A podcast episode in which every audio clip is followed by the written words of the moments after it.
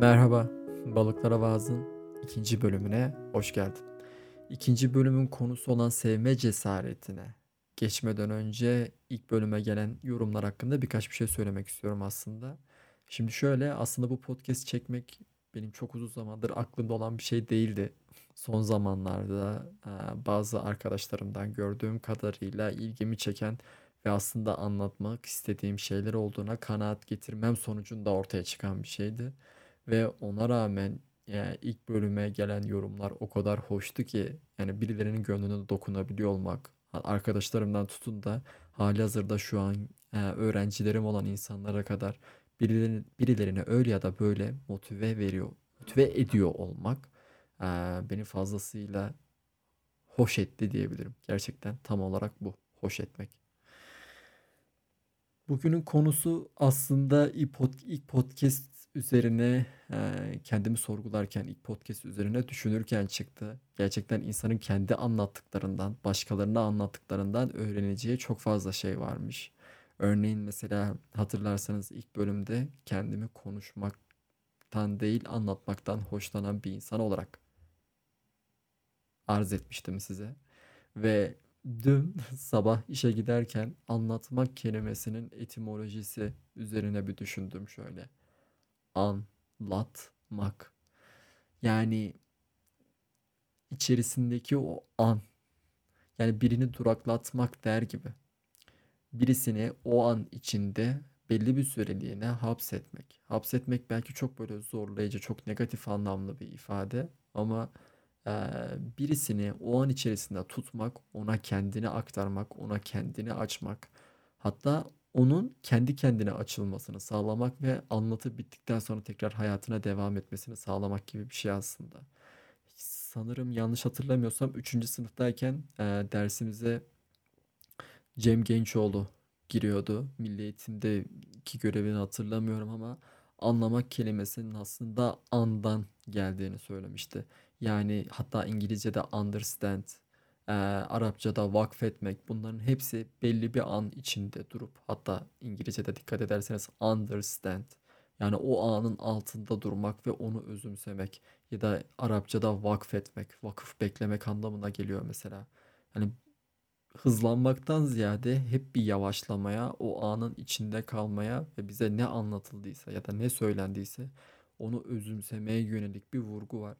O yüzden o sabah vakti böyle yapraklar daha yeni yeni güneşi emmeye başlamışken yaptığım o yürüyüşte anlatmak kelimesinin etimolojisinin aslında anlamakla hemen hemen aynı olduğunu, birisini anlatmanın gittikçe hızlanan bir dünyada yavaşlamaya yönelik bir eyleme davet etmek olduğunu idrak edince gerçekten fazlasıyla hoşuma gitti bu ve bunu seninle de paylaşmak istedim.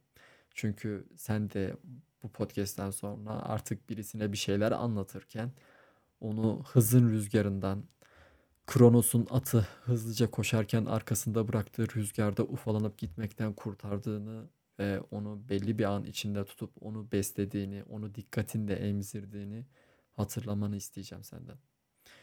Şimdi bugünün konusu sevme cesareti ve e, bu konu aslında geçenlerde satın aldığım e, Yalom'un ölüm kalım meselesi kitabının giriş cümlesiyle vücut buldu.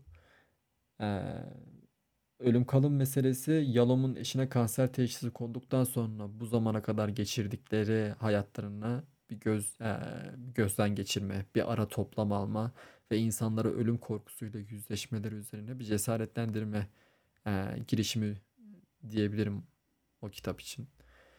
Bugün cümlelerim neden bu kadar dağınık hiç bilmiyorum. Ama neyse gene de devam edeceğim. Ve kitabın giriş cümlesinde daha doğrusu giriş sayfasında şöyle bir cümle yer alıyordu.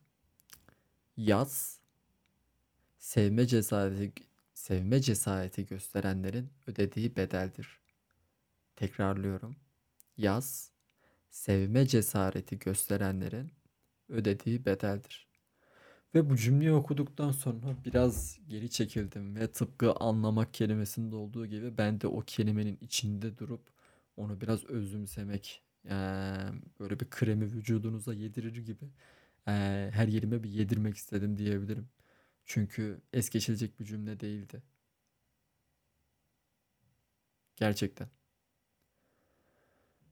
Ve nedense yaklaşık bir 5 yıldır şu 5 yılımı şöyle bir gözden geçirdiğim zaman sevme cesareti gösterebildiğim tek şeyin, daha doğrusu tek canlının bir kedi olduğunu fark ettim.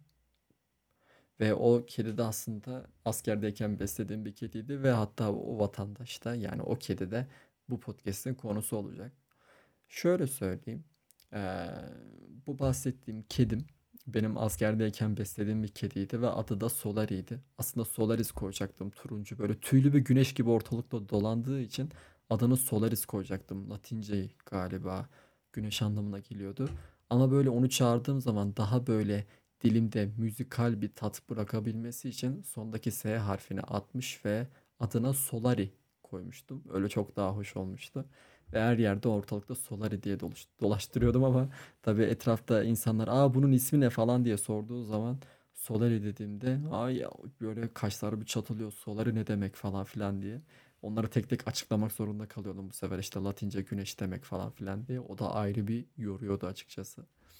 Solari ile ilk tanışmam eee, askerlik arkadaşım Fatih'in elinde görmemle başladı. Yavru kedilere karşı muazzam bir hayranlığım olduğu için onun elinde de eee, o kediyle oynadığını gördüğümde hemen zaten başında bittim. Hani hatta direkt ben de miyavlamaya başladım zaten kediyle birlikte.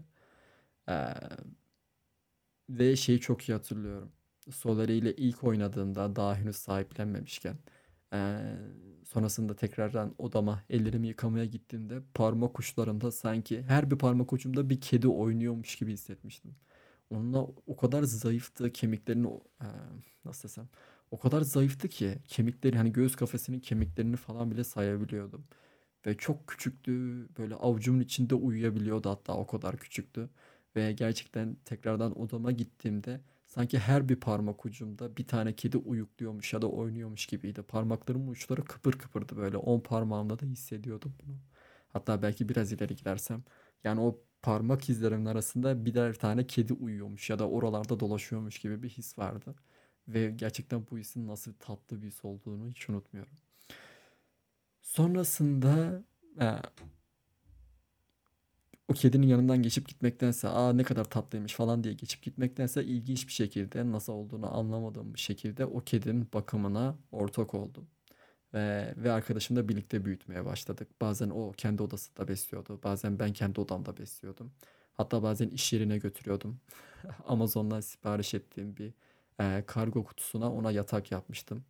E, abdest aldıktan sonra işte elimi yüzümü silerim diye aldığım el havlularını yorgan diye içine koymuştum. Böyle daha doğrusu yatak niyetine kutunun içerisine yerleştirmiştim onları. Ve uyutacağım zaman da o kutunun içine koyuyordum. Ancak o kutunun içine sığacak kadar küçüktü gerçekten. Ee, ve yaklaşık iki ay boyunca Solar ile birlikte bayağı bir takıldık. Gerçekten hani anası yoktu. Annesi eee, bir trafoya ya da elektrik direğine kapılıp ölmüştü. Diğer kardeşleri de bakımsızlıktan ya da bazı askerlerin dikkatsizliği yüzünden ölmüştü. Bir tek Solar'i kalmıştı ailesinden geriye ve eee, onun bakımını ben üstlenmiştim ve bir de diğer arkadaşım üstlenmiştik.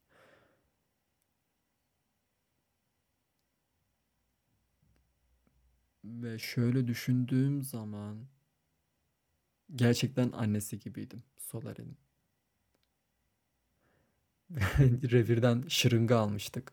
Arkadaşım da Aptamil getirmişti. Henüz daha etle beslenmesini falan bilmiyordu. Henüz emzirmemiz gerekiyordu. O yüzden e, şırınganın içine Aptamil'i karıştırıp basıyorduk. Ve gayet bildiğiniz sana sanki bir anaymış gibi kucağıma alıp daha doğrusu elime alıp ağzını açıp şırıngayla yavaş yavaş onun yutabileceği şekilde Aptamil veriyordum. Ya gerçekten insana kendisini anne gibi hissettiren bir süreçti bu. Yani sürekli onun bakımından sorumluydum. Diğer kedilerin arasında hırpalanmasın diye sürekli başındaydım. Eee, her sabah bir elimde çantam, üstümde kamuflajın, diğer elimde Amazon Prime kutusunun içinde Solar ile işe gidip geliyordum. Ve her, her nereye gitsem yanımdaydı. Yanıma götüremediğim zamanlarda da aklımda kalıyordu. Mesela e, eve bir yere gideceksen mesela alışveriş merkezine gitmeden önce onu uyutuyordum. Eee, bir beze sarıyordum. Beze sarınca hareket edemiyordu. Hareket edemediği için bir süre sonra uyuşup mayışıp uyuyakalıyordu. Onu o şekilde kutunun içine yatırıyordum. Güneş gelmesin diye de üstüne bir tane perde gibi küçük bir şey koyuyordum böyle. Onu o şekilde uyutup çıkıp gidiyordum ama alışverişe gittikten sonra sürekli aklım onda kalıyordu. Acaba uyandı mı, işte tuvaleti geldi mi, acıktı mı, şu an odada ne yapıyor falan filan diye. Yani sürekli aklım onda kalıyordu ve aslında tam da bu sıralarda fark ettim. Yani geçen bölümde demiştim yani her şey sevgiyle başlamıyor ama belki her şey ilgiyle başlıyor diye. Tam olarak bunun karşılığının Solari'de olduğunu görebilmiştim. Çünkü ilk başta böyle Solari'ye karşı aman aman bir sevgim yoktu ama onunla ilgilenmeye başladıkça kendimden başka bir canlının sorumluluğunu almaya başladıkça eee, genel olarak aslında sorumluluk alma becerimin de güçlendiğini, yer yer zorlandığını fark ettim. Çünkü gerçekten bazen insan hani kendi varlığının, kendi ihtiyaçlarının sorumluluğundan ziyade başka can, bir canlının sorumluluğuna daha fazla değer veriyor. Ve Solari benim için gerçekten böyle bir şeydi. Özellikle de AVM'ye falan gittiğim zaman aklımın Solari'de kalışının eee, beni ne kadar güçlendirdiğini gayet iyi biliyorum. Şey gibiydi. Acaba şu an ne yapıyor? Ne ediyor? Uyandı mı? Etti mi? Tuvaleti var mı? Eee, düşüncelerindeki o sancının aslında o aramızdaki ilişkiyi güçlendirmek ve büyütmek için yeterli gübreyi verdiğini biliyorum. Yani o kaygı bir gübreydi orada. Ne yapıyor, ne ediyor? Bir baş, kendinden bir başkasını merak etmek. Kendinden, kendinin haricindeki bir şeyi merak etmek. Ona bir ilgi göstermek. Ve bu yaklaşık bu şekilde bir buçuk ay boyunca birlikteydik Solari ile. Ee, dediğim gibi her gittiğim yere onu da götürüyordum. Hatta bazı fotoğraflarım bile var ya o kadar küçüktü ki Solari. Bir elinde meyve suyu, diğer elinde sanki dürümün içine sarılmış gibi duran bir kedi böyle. Sanki bir yondan ısırık alıyormuşum, bir biraz da içecekten yudumluyormuşum gibi. Çok güzel zamanlarımız oldu. Fakat eee, bu güzel zamanları örselemeye niyetli çok fazla insan vardı. Yani mesela çok fazla zayıf olduğu, eee, annesi olmadığı ve diğer anne kediler onları sahiplenmediği için işte şey diyen vardı mesela. İşte yaşarsa bunun adını mucize koyun falan diyen vardı. Sonrasında bunu hiç kedileri, köpekleri çok sevip kedileri hiç sevmeyen bir eee, asker arkadaşım vardı mesela. Al götür bunu buradan diyordu işte. Ver bunu gitsin ne yapıyorsa yapsın işte. Bunu bu komutanlık odasına sokma bunu falan filan diyen vardı. Sonrasında yaşamaz bu ya. Nasıl yaşayacak ki? Şuna baksana çok zayıf falan diyen de vardı. Ama bir şekilde Soleri herkesin elinden geçti. Er, askerlerin de elinden geçti. Benim de elimden geçti. Ben olmadığım zaman askerlere tembihliyordum muhakkak şey yapın emzirin diye işte hani e, aptemelini verin diye. Ve bir şey yaklaşık işte böyle bir buçuk ay, iki ay boyunca e, devam ettik Solar ile ve nasıl desem şey demiştim. Bütün bu saçma sapan şeyleri söyleyen insanlara karşı ben seni yaşatacağım demiştim Solari'ye. Çünkü onu gerçekten büyütmek ve hani nasıl desem beslemek ve büyütmek istiyordum. Ve biraz da aslında sırf onların dediklerine inat bunu yapmak istiyordum. Ee, sonra işte aradan iki ay geçtikten sonra bir akşam arkadaşlarla birlikte sohbet ediyoruz. O gün kedi bende değildi. Diğer besleyen arkadaşımdaydı. İşte 4-5 kişi karanlıkta oturmuş sohbet ediyoruz. İşte loş bir ışık var ama işte çok fazla aydınlatan bir ışık değil. Hastalıklı bir ışık böyle. Arkadaşımın elinden kediyi aldım. Biraz oynadım ettim falan filan. Küçücük olduğu için zaten her yere sığdığından e, omzuma koymuştum. Ve e, Sonrasında da baktım işte oramı buramı yalamaya çalışıyor. işte ısırmaya çalışıyor falan. Aldım omzumdan yavaşça yere koydum. Sonrasında da bir an hani onu yere koyduğumu unuttum ve ee, direkt onu unuttum aslında o anda. Sohbete daldım. Ve sonrasında da sohbet ederken genellikle böyle bir ileri bir geriye gitme eğilimimiz vardır ya. En azından benim var. Yani olduğum yerde durmaktansa işte bir sağa doğru yaslanır gibi yapıp bir sola doğru yaslanır gibi yapıp bir geriye doğru gider gibi, bir ileriye doğru gider gibi yapma alışkanlığım vardı. Ve ben de tam o anda bir adım geriye atmaya, bir adım geriye e, gelmek istedim ve o sırada e, farkında olmadan sol ayağımın altında soleri varmış ve ben onu görmedim. Ve zaten e, basmamla ayağımı çekmem bir oldu ama her şey için çok geçti o anda. Çünkü zaten kedi çok zayıf olduğu için Eee, o ayağımın basıncını kaldıramadı. İşte yerde çırpındı etti. Burnundan kan geldi. Bir iç kanama geçirdi orada. Ve gerçekten niye uğradığımızı şaşırdık o anda. Ya o an yaşadığım şoku hiç unutmuyorum. Gerçekten çünkü benim için bir travma gibi bir şeydi. Ve o anda şey hani o an düşünmedim gerçi ama sonrasında aklıma şey geldi. Hani bütün bu kötü yorumlara işte bu yaşamaz bu denilen de diyen kişilere karşı ben seni yaşatacağım dememe rağmen sonrasında böyle bir şey yapmam beni çok şok etmişti. Yani duygusal olarak bir felç gibi bir şeydi aslında. Ve o gün şu anladığım şeylerden bir tanesi de şuydu. Ee, baktık Soleri'nin sürekli e, ağzından burnundan kan geliyor. Bir veterine götürmek istedik ama saatte çok geçti. Hani o saatte açık bir veteriner bulmak çok zordu. Bir de doğuda yani Bingöl'de olduğumuz için bir veteriner bulmak çok çok daha zordu. Ve ben o gün anladım hani Bingöl'de aslında veterinerden ziyade e, baytar olduğunu. Çünkü o gün öyle de öyle bir şekilde arabayla gittiğimiz baytar, şey daha doğrusu veteriner diye gittiğimiz yerdeki e, dükkanda raflara baktığım zaman sürekli ineklere işte kuzulara yönelik falan ilaçlar ya da ne bileyim aşılar falan olduğunu gördüm.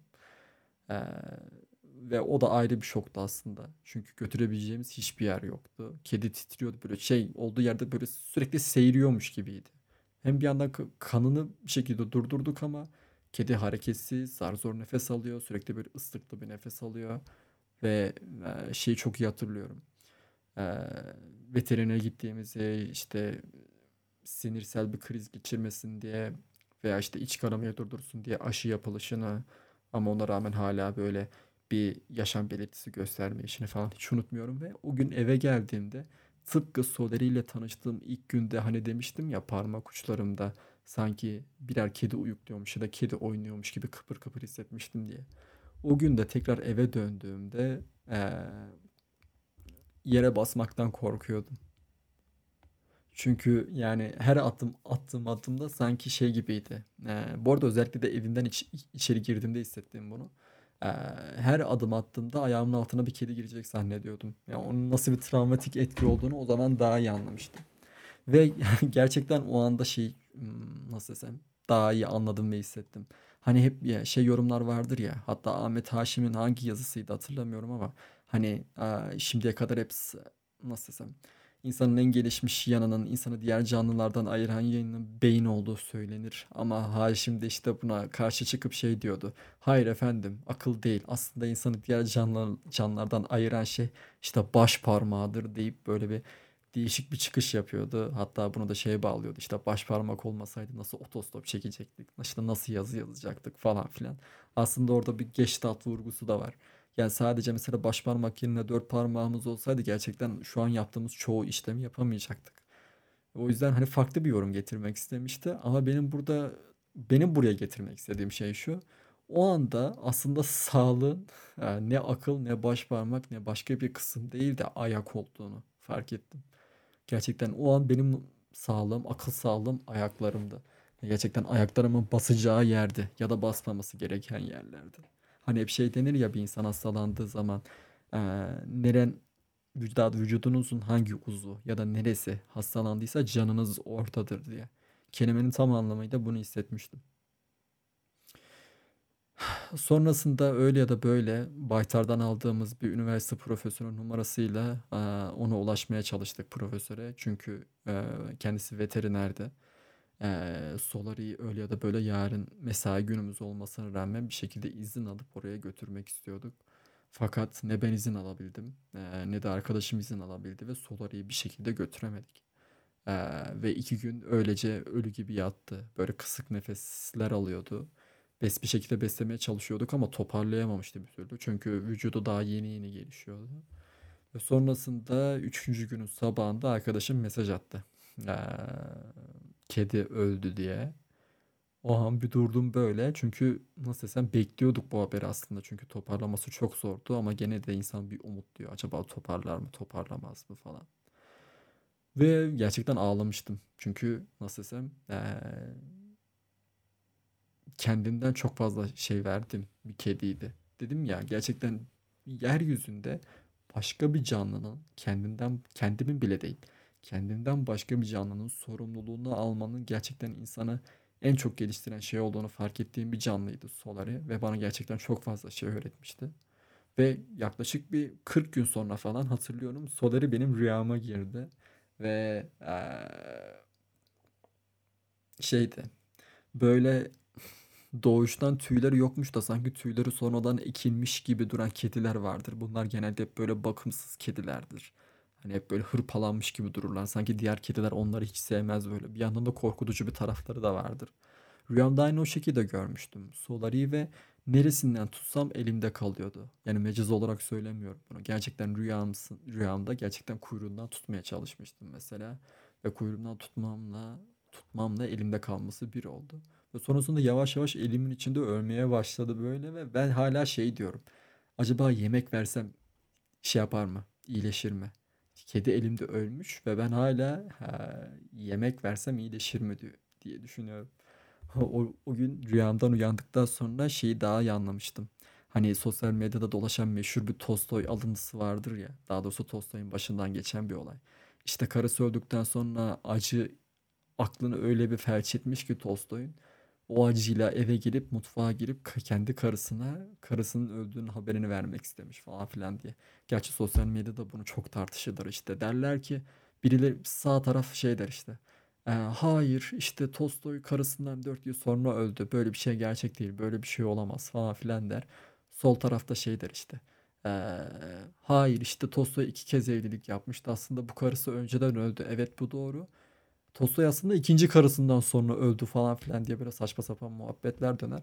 Ama ben bunları bilimselliğiyle ilgilenmiyorum. Ee, sadece bu olayın kendisiyle ilgileniyorum. Eğer bu alıntı bir merdiven altı Facebook paylaşımı olsa bile ben buradaki şeyi daha çok aa, hoş ve insani buluyorum. Bir insanın acıyla aklının felç oluşu ve bunu gidip e, kimi kaybettiyse hala onu anlatmaya çalışması, çalışışı daha doğrusu.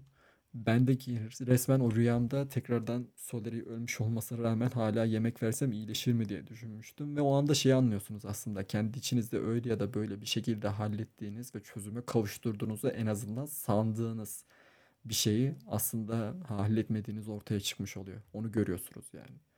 Hani hep şey denir ya evren makrokozmostur, insan mikrokozmostur. Yani aslında gerçekten kendi içimizde de belki 70 bin alem var ve bu alemlerden her birinde bu olay hallolmuş olmuyormuş aslında. Yani bazılarında halloluyor ama bazılarında hala hallolmuyor. Çözülmeyi bekliyor. Bir manaya kavuşmayı bekliyor. Yani toprağa gömülmekten ziyade bir mana toprağına gömülüp orada mavi bir uykuya yatmak istiyor. Çünkü o uykuya yatmadığı müddetçe manayla, anlamla buluşmadığı müddetçe yaşadığımız olayların hayaletleri, o belirsizliği, stresi bizi her zaman kovalıyor olacak. Gene 15 dakika konuşur kapatırım dediğim ses kaydının şu an 23 dakika olmuş olduğunu görüyorum. Ama pişman mıyım? Hayır. Ee, bugünkü podcast'te aslında ne anlatacağım konusunda kafam biraz karışıktı. Ama ona rağmen yine de kaygıma e, acaba düzgün konuşabilecek miyim? Olaylar arasındaki o tutkalı iyi sağlayabilecek miyim? Endişesi üzerine gitmeye ve öyle ya da böyle bu podcast'i çekmek istedim. O yüzden bugün genel olarak anlatmak istedim. Aslında tam olarak buydu. Özellikle de Yalom'un o sözüne geri dönecek olursam yani yaz sevme cesareti gösterenlerin ödediği bedeldir diye benim de aslında o kediye dair olan yazımın ona dair gösterdiğimiz sevgiden kaynaklandığını fark ettim. Ve aslında bu sevginin de direkt böyle eee filmler tarafından ya da kitaplar tarafından zehirlenmiş aklımızdaki o şey imajlarından değil de işte ilk görüşte aşk gibi imajlardan falan değil de gerçekten bir canlıya, bir nesneye ya da bir insana gösterilen sevgiden doğduğunu gördüm. Gerçekten ilgi her şeymiş bunu anladım. Çünkü dikkat gerçekten yani şey demiştim hatta bir şiirimde dikkatte tanrısal bir şeyler vardır diye. Çünkü dikkat etmediğim müddetçe mesela o gün Soler'in yanından öylesine geçip gitseydim ve hiç umursamasaydım aa ne kadar şirinmiş kendi deyip böyle alnının ortasına biraz masaj yapıp sonrasında oradan ayrılıp gitseydim Soler'i benim için çok bir şey ifade etmeyecekti. Hatta belki sonrasında bir başkası yüzünden ölseydi bir kedi kavgasında falan ölseydi mesela belki o kadar umursamayacaktım. Ama sonuçta Rollo der ya hani biz başkalarında yaşarız, başkaları da bizde yaşar diye. O yüzden hani ben Solar'ı da yaşadım. Solar'ı bende yaşadı. Ee, Ben ona kendinden bir şeyler verdim. O bana kendinden bir şeyler verdi. Ve gerçekten belki de yaz tutmamızın temelinde yatan şey de budur. Ya hani kaybettiğimiz insanda kendimizde giden bir parçalar da vardır ve aslında o parçaların da yasını tutarız gibi geliyor bana. Öyle. Sesim yer yer titredi onu fark ettim bu arada. Sen de fark etmişsindir büyük ihtimalle zaten. Ama hiç öyle estetik kaygılara girmeyeceğim bu podcast'te. Kendimi biraz salacağım ve rahat bırakacağım. Bu podcast'in de böyle olmasını dileyeceğim. Öyle. Podcast'te şimdilik bu kadar diyelim. Ee, umarım hayatın ilerleyen safhasında bir canlı ya da bir insan için o yas duygusunu yaşarsan bu Yalom'un sözünü hiç unutmamanı isteyeceğim senden. Çünkü eğer yas tutabiliyorsan aslında hala sende sevme potansiyelinin dünya ya da öyle ya da böyle herhangi bir şeyi sevebilmeye dair bir kabiliyetinin ya da daha doğrusu sevme özünün sende olduğunun bir göstergesidir bu. Yani yaz sadece böyle yüzümüzde ya da ruhumuzun üstüne çökmüş böyle karanlık bir peçe değil de aynı zamanda e, sevme gücümüzün olduğunu hatırlatan bir rüzgar olsun istiyorum. Öyle. Sonraki podcast'te görüşmek üzere.